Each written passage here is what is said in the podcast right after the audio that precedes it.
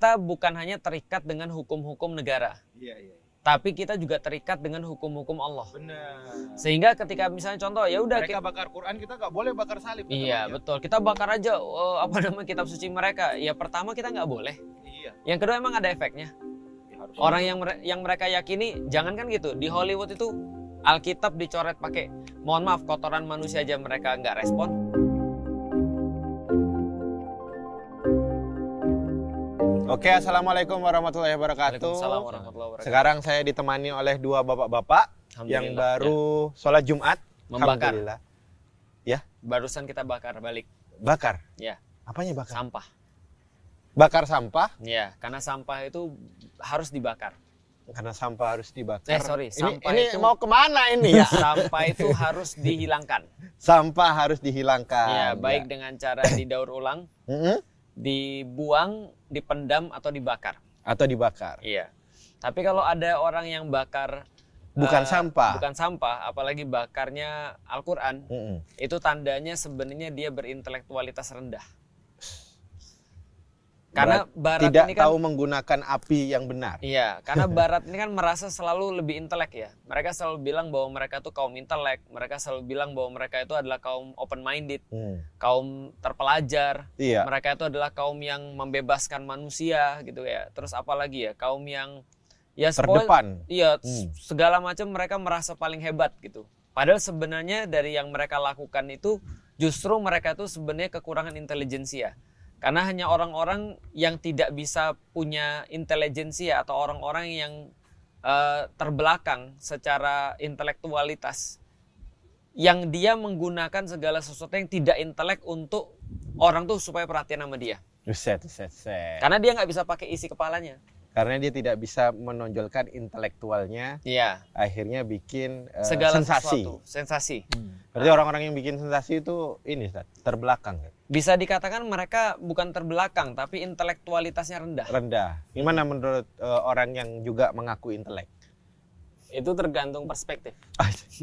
Pers- kalau dalam perspektif Jadi kayak komunikasi membela antum ya? kan ada intran, intras, intraksionisme simbolik namanya. Interaksionisme simbolik. Jadi seseorang itu ketika melakukan sesuatu Mm-mm. atau mengucapkan sesuatu Mesti ada pasti ada sesuatu pesan yang ingin ya disampaikan dengan simbol itu. dengan simbol itu. Misalnya kok dia bakar Quran, bukan bakar sate atau bakar Oh. eh, ikan gitu ya. Jadi sebenarnya bukan sekedar Iya. bodoh bisa jadi. Dia memilih Menyampaikan pesan. sesuatu yang eh, menjadi eh, poin penting dari sebuah simbol. Oh, berarti targetnya adalah Iya. menyakiti ini memang. Jadi sebenarnya itu tadi kalau dikatakan eh, dia tidak berpikir, dia berpikir keras untuk mendapatkan sesuatu yang paling kuat pesannya Hmm. sehingga pesan itu bisa lebih lantang, lebih distinct gitu. Makanya dia memilih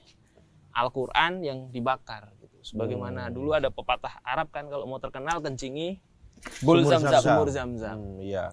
gitu. Jadi apa yang dilakukan sebenarnya ini adalah bentuk pesan yang ingin dia sampaikan eh, kepada orang yang memiliki eh, sikap memuliakan benda ini, gitu, yaitu Al-Quran. Gitu. Iya. Jadi sebenarnya kalau kita lihat dari dari bentuk aktivitas yang tadi, ya berarti dia sedang menantang ya orang-orang Yang- yang, memuliakan Al-Qur'an. Nih, hal yang kamu muliakan aku bakar nih. Ya, Hmm. tapi nggak intelek. Nah, kemudian eh, ini kemudian direspon. Direspon ada yang responnya biasa aja, ada yang responnya itu eh, penuh dengan Kemarahan. kemarahan. Ada respon-respon yang ber- ber- bermacam-macam. Malah ada yang merespon dengan mendukung. gitu. Mendukung pembakaran Quran. Iya, karena ini bagian dari kebebasan berkeyakinan misalnya. Oh iya, iya, iya. Jadi ini adalah peristiwa kalau dalam pendekatan komunikasi ini peristiwa komunikasi di mana dia memilih sebuah pesan atau simbol yang paling eh, lantang agar orang-orang itu punya atensi terhadap dirinya. Hmm. Dan pesan yang dia sampaikan saya kira ya karena bentuknya membakar gitu. Membakar itu kan sesuatu yang merendahkan. Hmm. Ingin tadi ya menghilangkan. Mm-mm. Kalau dikatakan yang dibakar itu seharusnya sampah, Nah ini yang dibakar ini Seolah-olah. seolah-olah. Disampahkan sama Iya. dia secara simbolik ya. Nah itu peristiwanya begitu. Ya, Iya, iya. makanya makanya kita sampai tadi kita udah jelas ya bahwasanya ya kayak dulu kasus-kasus penghinaan atau penistaan terhadap nabi dan Al-Qur'an ya. Semua orang-orang ini kan pengen nyari pengen nyari perhatian ya, pengen nyari kehebohan, attention. Maka aku bilang ketika dia tidak bisa nyari dengan intelektualitas, dia menggunakan hal-hal yang extreme measure. Hmm. Eh, apa ukuran-ukuran yang ekstrim kayak tadi sesuatu yang memang secara distinct itu pasti diperhatikan kayak misalnya ketika dulu aku bahas tentang masalah eh, kampanye miras itu loh. Ya, yang dengan eh, dengan naba- nama nabi dan dengan nama eh, Maryam. Maryam misalnya gitu ya. Itu kan kenapa namanya dipilih? Karena itu sangat besar deltanya. Sehingga itu pasti mengambil perhatian. Nah lucunya adalah narasi yang dimunculkan seolah-olah muslim tuh nggak nggak intelek. Karena dia bilang pasti yang ngerespon ini orang-orang nggak intelek nih. Oh, Pasti tukang langsung- marah-marah, Langsung tukang- klaim gitu ya. ya. tukang ngamuk tukang apa namanya tukang eh, apa ya tukang ngancem dan segala macam walaupun betul tadi eh, dikatakan bahwa apakah sebagai seorang muslim kita eh, harus merespon itu dengan juga dengan dengan cara yang kalem? Tidak boleh. Seorang muslim memang harus marah ketika dia mendapati hal seperti itu. Cuman marahnya itu ekspresinya tadi. Menurut Mas Husen tadi ada yang ekspresi marahnya itu adalah dengan cara yang tidak wajar. Yang kontraproduktif lah. Hmm. menurutku contoh ya kayak ngancem-ngancem itu kan nggak perlu ya. Kalau ada orangnya di sini kita datengin aja Iya. kalau kita ngancem kan dia malah seneng. Karena dia dapat apa yang dia harapkan. Hmm. kan gitu sebenarnya. Iya, nah iya. tapi yang tapi yang kita bahas pertama adalah barat ini tidak konsisten. Kalau mereka mengatakan bahwa intelektualitas adalah dengan adu argumen atau adu adu narasi mereka tidak melakukan itu. Yang Hmm. mereka lakukan adalah provokasi. Karena mereka tahu seperti kata Mas Husen tadi mereka udah mempelajari ini. Mereka udah ngerti bahwasanya ada satu hal yang muslim tuh pasti akan ngamuk Iya, muslim iya, tuh pasti iya, akan iya. respons yang nggak mungkin muslim tuh diem yaitu adalah nabinya dihina Hmm. gitu nabinya dihina atau Al-Qur'annya dihina itu pasti muslim akan respons Berarti mereka ini paham ya respon tentang muslim dan paham mereka paham. Aku kan sempat baca itu. Iya.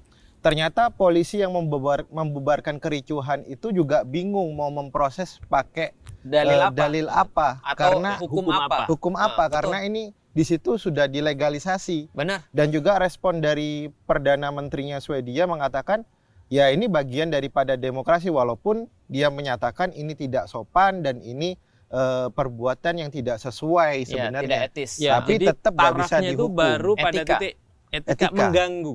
mengganggu Mengganggu, mengganggu pun bukan mengganggu Ah. pada titik ajarannya, tapi mengganggu ketertiban. ya bukan Ketertiban. bukan penistaannya berarti kalau tidak ada respon ketidaksetujuan terhadap itu Nggak ada masalah bagi ada mereka. masalah ya makanya makanya kan kita harus dudukkan perkara ini se- secara jelas bahwa saya kalau ada orang bilang itu karena dia nggak ngerti Nabi Muhammad itu karena dia tuh nggak tahu Nabi Muhammad tuh Hmm. justru karena apa. tahu ya Justru karena mereka mereka tahu nilai Nabi Muhammad bagi kita seperti apa, Hmm. maka mereka provokasi. Jadi orang-orang kayak gini jangan diharap mereka bertaubat. Yang kayak gini ya. Hmm. Aku nggak bilang semua orang itu kayak gini, tidak. Tapi model-model kayak gini jangan diharap mereka bertaubat.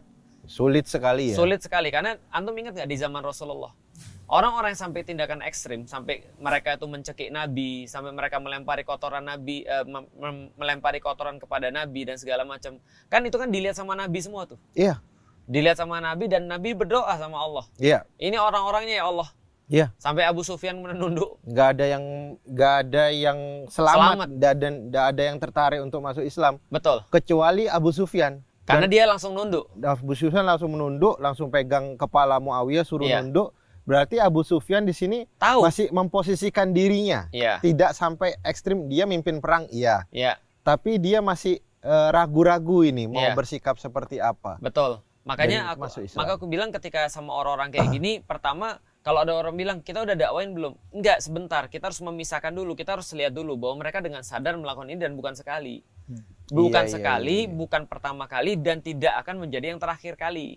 iya iya iya, Karena iya. mereka senantiasa tahu yang mereka ingin tunjukkan adalah bahwa orang-orang muslim ganas. oh berarti muslim juga harus sadar ya mana yang man- mengidenti- mengidentifikasi mana musuh mana objek dakwah Betul. Nah, maka kalau yang kayak gini gini menurutku adalah musuh dakwah. Iya iya iya iya Nah, iya, kalau iya. musuh dakwah kita jangan dulu men- eh, menggunakan kata-kata kayak tadi karena nanti kita jadi lemah. Gitu maksudnya Hmm. kita nggak bisa memposisikan dia ini siapa kecuali ada orang belum tahu. Misalnya kayak ibuku, kayak bapakku, kayak keluargaku, misalnya yang lain, mereka bertanya, benar nggak sih Nabi Muhammad tuh begini? Nah itu berarti bukan pertanyaan kebencian, tapi Oh. pertanyaan karena mereka nggak paham. Paham. Benar nggak sih Nabi Muhammad itu misalnya mohon maaf ya, eh, apa namanya dia suka menikah sama orang-orang yang eh, di bawah umur misalnya. Nah itu adalah pertanyaan ya karena dia nggak paham, dia mendapatkan eh, informasi itu kemudian dia bertanya misalnya. Hmm. Nah itu kita juga nggak langsung marah. Karena Iya. bisa jadi orang ini nggak tahu. Nggak Tapi tahu. kalau per- kelakuan kayak gini itu tadi yang Mas Husen sampaikan. Kita harus tahu bahwa motifnya ini mencari perhatian. Dan aku baca nih ada ada info informasi menarik dari eh, Ustadz Faudil Azim ya. Mm-mm. Dia mengatakan bahwa ini orang ini memang sakit mental nih. Jadi dia udah berusaha berkali-kali untuk Berkali-kali. berkali-kali untuk memicu masalah, untuk bikin bikin Bahkan perhatian. bakar Quran sendiri kalau nggak salah lima kali Iya. dia melakukan itu. Nah, jadi contohnya dia dia dia ini punya 14 dakwaan kriminal. 14. 14 dakwaan terhadap dia dan termasuk tindakan asusila. Hmm. Jadi dia ini suka sama anak kecil. Pedofil. Iya, jadi eh, nih lihat ya. Eh, melalui platform Discord milik dia, makhluk yang pernah mendapatkan hukuman, dia pernah dihukum karena menguntit teman kuliahnya di University of Copenhagen, Denmark. Sejak tahun 2010 hingga 2013, secara terus-menerus melakukan pelecehan, terbukti melakukan percakapan tentang fetish hardcore. Hmm. Jadi ini penyimpangannya nggak main-main nih, fetish Iya, iya. hardcore ya. Dengan anak laki-laki di bawah umur mulai dari usia 13 sampai 17. Iya, tapi nggak diproses hukum 14 dakwahan. Iya, karena tadi kan ini kan kita bicara tentang Eropa ya. Yang jelas ini orang bermasalah, dia mimpin satu eh, satu partai yang dia pengen agar partainya dapat suara. Kalau Hmm. berdasarkan teori komunikasi, ya orang pasti akan mencari sesuatu yang Potensi paling ya. heboh. Ah, apalagi yang bisa lebih heboh selain bakar Quran. Dia ingin menunjukkan bahwa dia ultra nasionalis Iya, atau ultra demokrasi atau ultra liberalis gitu misalnya. Eh, bold dulu terus kemudian nanti baru ke belakang nanti urusan nanti Ya make attention dulu. make ya. attention. Itu yang pertama. Yang kedua yang aku lebih khawatirkan lagi adalah karena bisnis Islamofobia ini bisnis besar. Berarti dengan keberadaan hukum yang seolah-olah melindungi hal seperti ini, ini kemungkinan besar atau bahkan bisa dipastikan by design sejak awal. Eh, kalaupun Gitu ya? tidak by design, ini sudah grand design. Ada grand design-nya. Ya, jadi grand design dunia ini kan adalah menempatkan bahwa senantiasa dia perlu ancaman. Ancamannya kan adalah Islam bagi mereka. Islamofobia ini kan bisnis besar. Kalau saya berkuasa, maka nanti hate speech akan berkurang. Oke. Ideologi kebencian akan berkurang. Kalau saya nggak berkuasa, kalian pasti nanti akan tidak aman. Oke. Karena radikalisme. Paham. Eh, ini lihat nih negeri kita, be- begitu banyak imigran. Ya, ya, ya. Dan segala Konsepnya eh, ini ya ada pahlawan, ada monster. Iya, dan Kalau dia pengen diposisikan jadi pahlawan, tunjuklah orang untuk jadi monster. nah, tunjuklah sesuatu untuk jadi monster. Lalu kamu lawanlah dia, gitu. Iya. Maka kamu akan jadi pahlawan gitu. ya. Nah, jadi kalau jalan pintasnya nggak ada lain dan nggak ada bukan ya Islam. Contoh kayak misalnya di Indonesia misalnya, kalau kita pengen heboh ya, kalau kita pengen heboh, misal ya kalau kita pengen heboh, bikinnya berita tentang presiden, kita tuduh apa kayak, Iya. Tapi kan masuk penjara kalau di Indonesia. Iya. Nggak ini contoh Janganlah misalnya. cari yang sensasional apa Iya, gitu. Khalif Tu'rof tadi loh. Iya, iya benar. Eh, Kayak Sumanto. kota kan terkenal. Betul. Sumanto itu kan pergi ke dukun, pengen terkenal. Benar, Dukunnya nyuruh dia makan mayat. terkenal lah. Terkenal lah. Heeh. Bagus tuh dukunnya. Iya, Khalif Tu'rof tadi, Eh, selisihi enton terkenal. Iya, iya, iya. Nah, artinya kalau misalnya kita mau terkenal ya bikin ada satu yang orang yakinin nih, hina aja tuh. Terkenal tuh kita pasti tuh. Iya, iya. Ada sesuatu yang orang-orang benar-benar eh, anggap ini adalah sebuah nilai yang eh, dijunjung tinggi, kita habisin tuh. Contoh ya, kalau mau terkenal di Indonesia gampang, bakar aja bendera Indonesia. Terkenal tuh. Oh, iya, iya. Kira-kira orang-orang Indonesia ngamuk nggak kira-kira? Ngamuk. Lah ini bukan bendera loh yang dibakar. Iya. Ini yang menarik dari sisi respon ya kalau saya lihat. Hmm, apalagi Respon dari Al-Qur'an yang dibakar itu. Iya. Kan kalau kita bicara dalam konteks teori aktor itu kan ada tiga ya. Ada individual, artinya person-person gitu ya. Ada Komunal. komunal, biasanya dia tren masyarakat kayak gimana. Hmm. Dan yang ketiga adalah eh, State. lembaga state, negara. Nasional. Nah, atas berita ini kita memang ada lihat banyak kayak letupan-letupan gitu ya di beberapa orang gitu mengecam dan seterusnya. Hmm. Hanya memang eh, sepertinya memang ini nggak terlalu lebar ya kalau kita lihat dari berita-berita. Enggak, enggak. Artinya ini kan bisa menjadi satu indikasi kalau kita bicara dalam teori yang lebih besar gitu ya, analisis yang lebih besar, oh ternyata Al-Qur'an dibakar sekarang orang adem-adem aja. Iya. Itu kan jadi parameter tuh akhirnya. Heeh. Bahwa misalnya kalau mau mengukur seberapa besar sih masyarakat ini masih berpegang teguh pada Al-Qur'an. Heeh. Itu kan eh, salah satu caranya begitu mungkin. Kalau ini dipandang sebagai Test sebuah water. Eh, eh, Tes desain Tapi kan water. masyarakat juga dilematis, Tat. Ketika kita merespon, dia dapat atensi. Ya. Ketika tidak kita merespon, eh, kita termasuk acuh gitu. Kita Ya, sebagai masyarakat Dal- harus dalam piye gitu loh. dalam hal ini kalau kalau kalau kalau di dalam Islam sederhana ya. Merespon atau tidak merespon itu adalah tergantung mudarat dan manfaat. Hmm. Kalau itu sudah tersebar seperti sekarang, maka kita harus merespon. Hmm. Tapi kalau dia tidak tersebar, jangan disebarin. atau belum tersebut. Nah, belum Iya. tersebar jangan disebarin. Contoh misalnya ya, kadang-kadang ada orang, Ustadz ini tolong di report dan tolong diposting akun ini sedang melakukan penistaan terhadap agama. Padahal dia follower dua biji, Iya, satu biji, seribu, udah diselesaikan ngapain? aja secara senyap.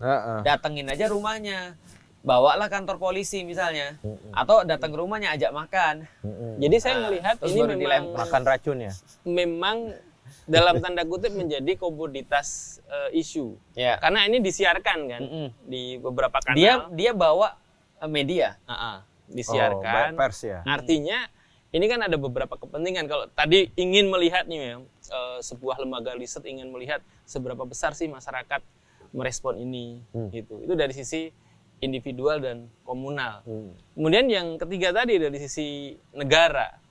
Seberapa Peduli. peduli sih Negara. Mm. Ini Ya, kita ya, lihat ada berapa banyak gitu. Kalau kita lihat kan eh, demo terbesar kan kemarin Baru di Turki, Turki ya? Iya. Ya. Turki. Dan presiden yang sudah memberikan tanggapan agak pedas Turki, walaupun Baru- baru belum secara Turki. militer. Iya, Baru cuma ngancem tidak akan bantu untuk masuk NATO. Iya punya eh, cuman positioning lah. Iya. setuju aku gitu Ya. aja. Iya, jadi Iya. itu Indonesia sisi- sebagai negeri muslim terbesar udah belum sih? Udah ngecam ya? eh, kita belum melihat beritanya sih. Bel- katanya nanti sih udah ngecam. Sudah. Tapi belum ngomong. Tapi lewat orang lain kali. Mungkin walau alam bisawab. Tapi ya tadi ya eh, cuman apa ya secara state belum terlalu bold ya. Iya, jadi misalnya gini kalau kita lihat dulu kasus penghinaan, pelecehan itu kan belum bukan hal yang baru ya. Iya. Dulu misalnya kita kita menariknya agak jauh nih ya, Iya. masa Rasulullah, masa Nabi. Itu diusirnya Bani Kunoiko itu ya. Kainu koinuko. Ya.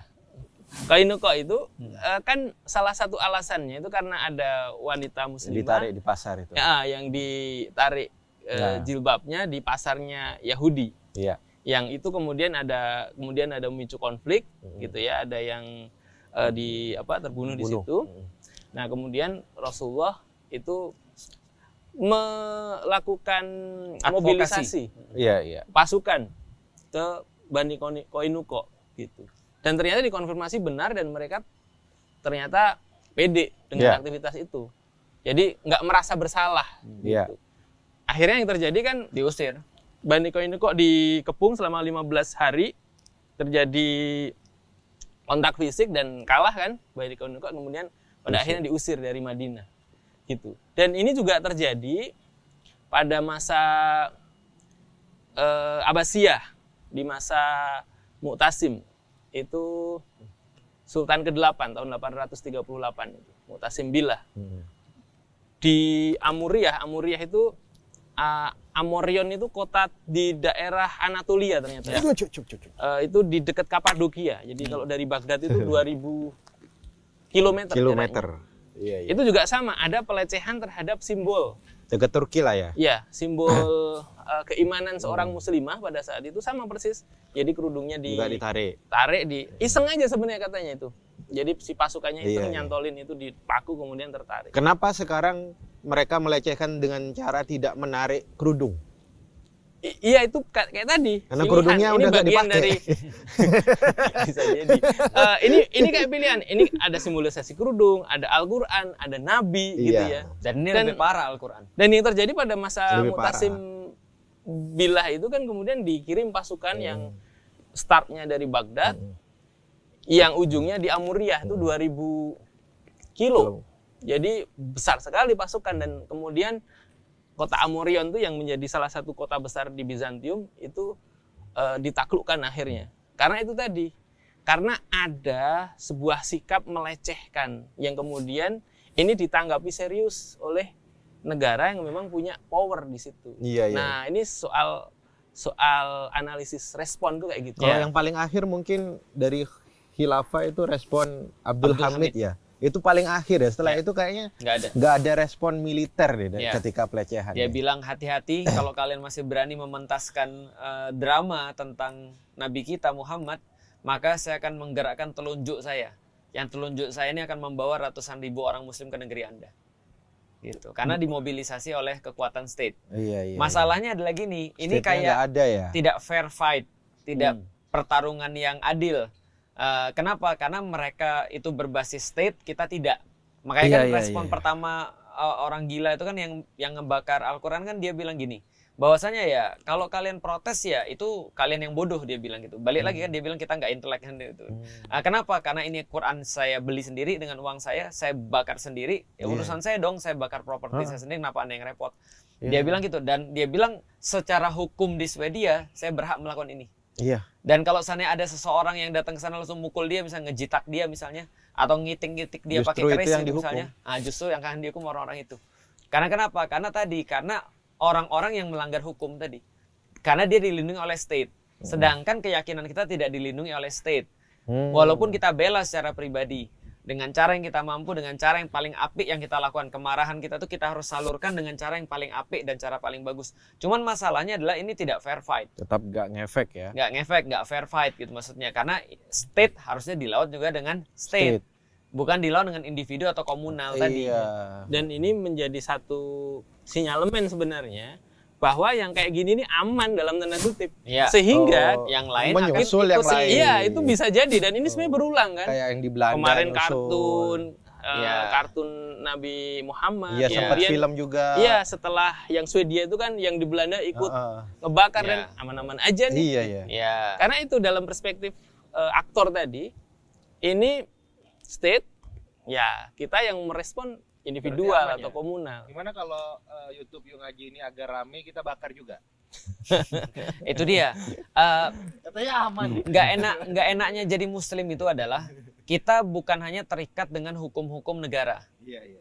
tapi kita juga terikat dengan hukum-hukum Allah. Benar. Sehingga ketika misalnya contoh ya udah Mereka bakar Quran kita nggak boleh bakar salib. Iya ya? betul. Kita bakar aja eh, apa namanya kitab suci mereka. Ya pertama kita nggak boleh. Iya. Yang kedua emang ada efeknya. Ya, harusnya. Orang yang mere- yang mereka yakini jangan kan gitu. Di Hollywood itu Alkitab dicoret pakai mohon maaf kotoran manusia aja mereka nggak respon. Kalau aku bukan muslim pun pikir tadi ngapain karena mereka bagi mereka itu bukan sesuatu yang berharga. Iya, iya, iya. Mereka tidak merasa merasa harus menghormati itu. Ma- malah mereka sakral ya Betul, di- maka mereka akan ngebullying gitu maksudnya. Nah, jadi percuma eh, pertama kita nggak boleh, kedua ya untuk apa juga? Makanya kita sampaikan pada dia kalau memang kamu memang merasa berani, kalau kamu merasa bahwa selain kamu tuh coward gitu atau pengecut, ya udah bakarnya di sini aja. Hmm. Gitu loh maksudnya. Kalau enggak kalau nggak berani bakar, kita ngajak ngobrol. Kita lihatlah sejauh mana kemudian intelektualitas orang-orang yang merasa paling intelek itu gitu maksudnya. Jadi kan sebenarnya kan kayak gitu dan aku rasa banyak sih orang-orang yang eh, apa ya? Contoh aku selalu bilang kayak gini. Kita di sini ya, kalau ada orang muslim bakar Alkitab, mesti aku akan protes. Kenapa? Karena aku nggak mau aku dicerita, dicitrakan oleh dia. Gitu Iya. maksudnya. Aku nggak mau bahwa seolah-olah Islam dicitrakan oleh orang stres ini gitu Iya, maksudnya. iya. MUI aku yakin pasti bergerak. Nah, pertanyaannya adalah pemerintah Swedia ini mikir nggak sih bahwa Swedia itu akan dicitrakan dengan orang kayak gini? Bahwa dia bilang bahwa saya demokrasi, tapi apakah demokrasi ini modelnya kayak gini? Enggak. Dicitrakan. Harusnya pemerintah bergerak dong, harusnya kan gitu kan ya. Atau pemerintah-pemerintah muslim itu bergerak dong untuk melakukan pressure. Contoh misalnya perusahaan Swedia apa di Indonesia? IKEA. Usirlah coba.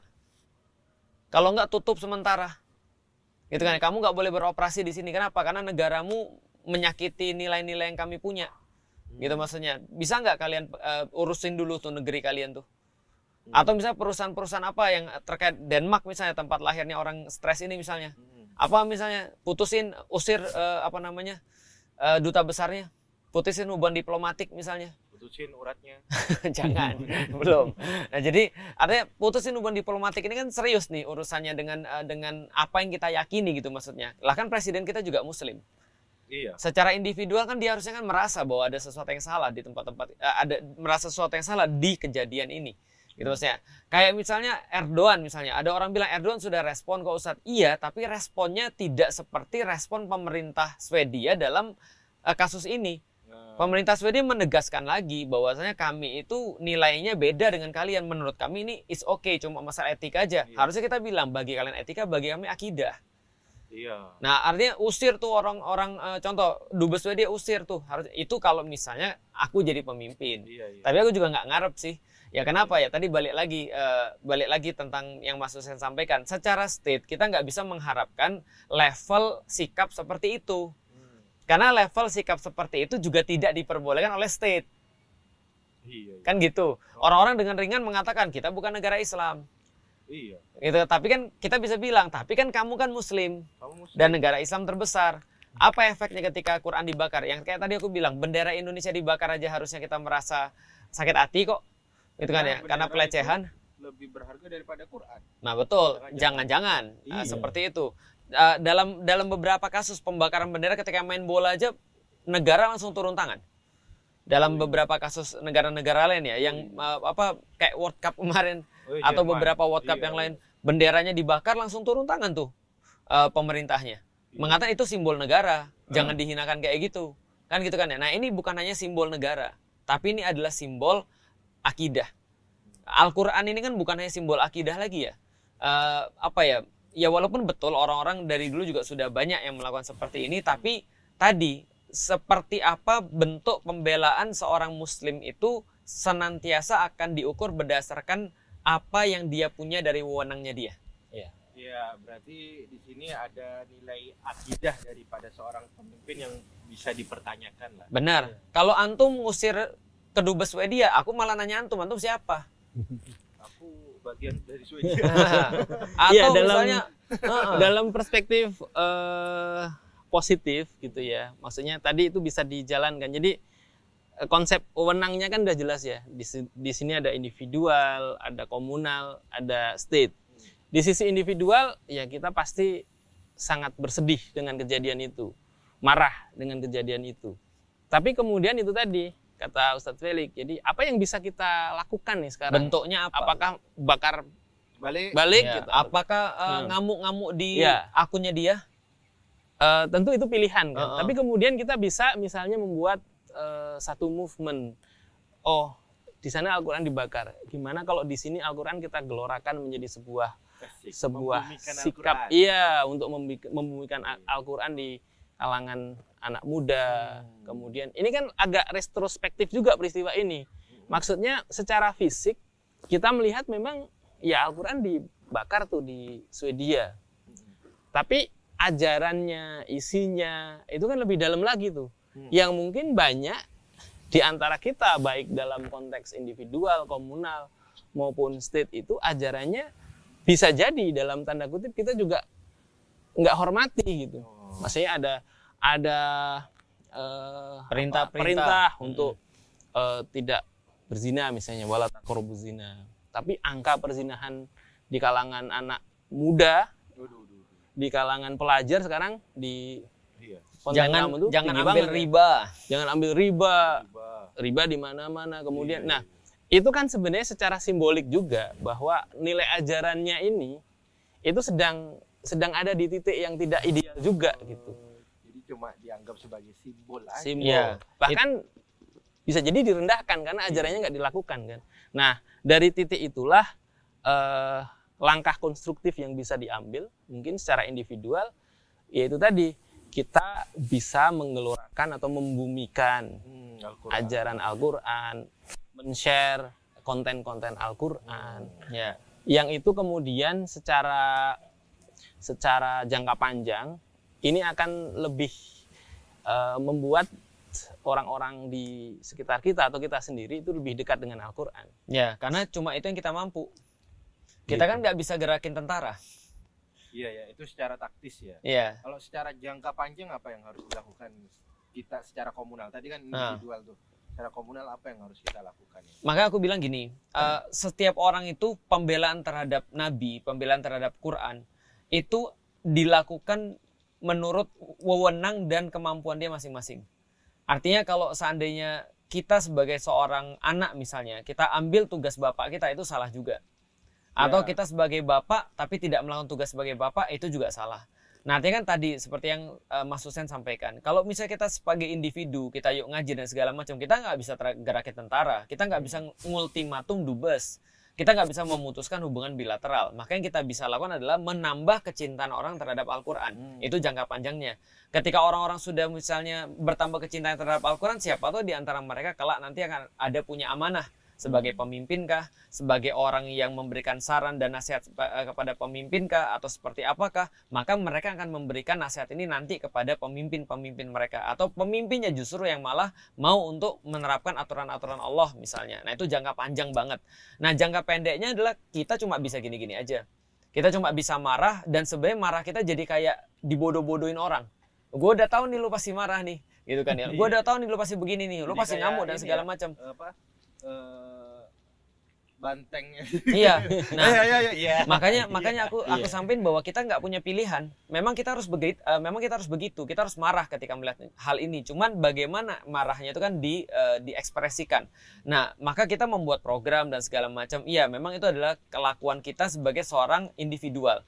Nah, secara komunal maka kita bergerak lebih masif lagi dengan dakwah misalnya untuk menuju pada komunal juga. Tapi jangan lupa bahwa proses penghinaan ini harus dihentikan. Iya. Nah, kita tidak bisa apa pun. Makanya kalau kita ditanyakan apa solusinya supaya eh, penghinaan ini berhenti, kita nggak bisa secara individual. Kita nggak bisa secara komunal.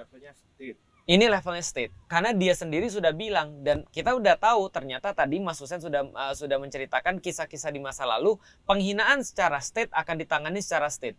Iya, iya. Penghinaan secara individual akan diproses secara individual. Dua.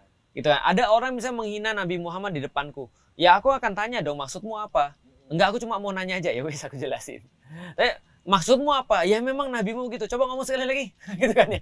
Ah, itu itu secara individual seperti kasusnya ketika ah, ada seorang sahabat yang membunuh seorang Yahudi.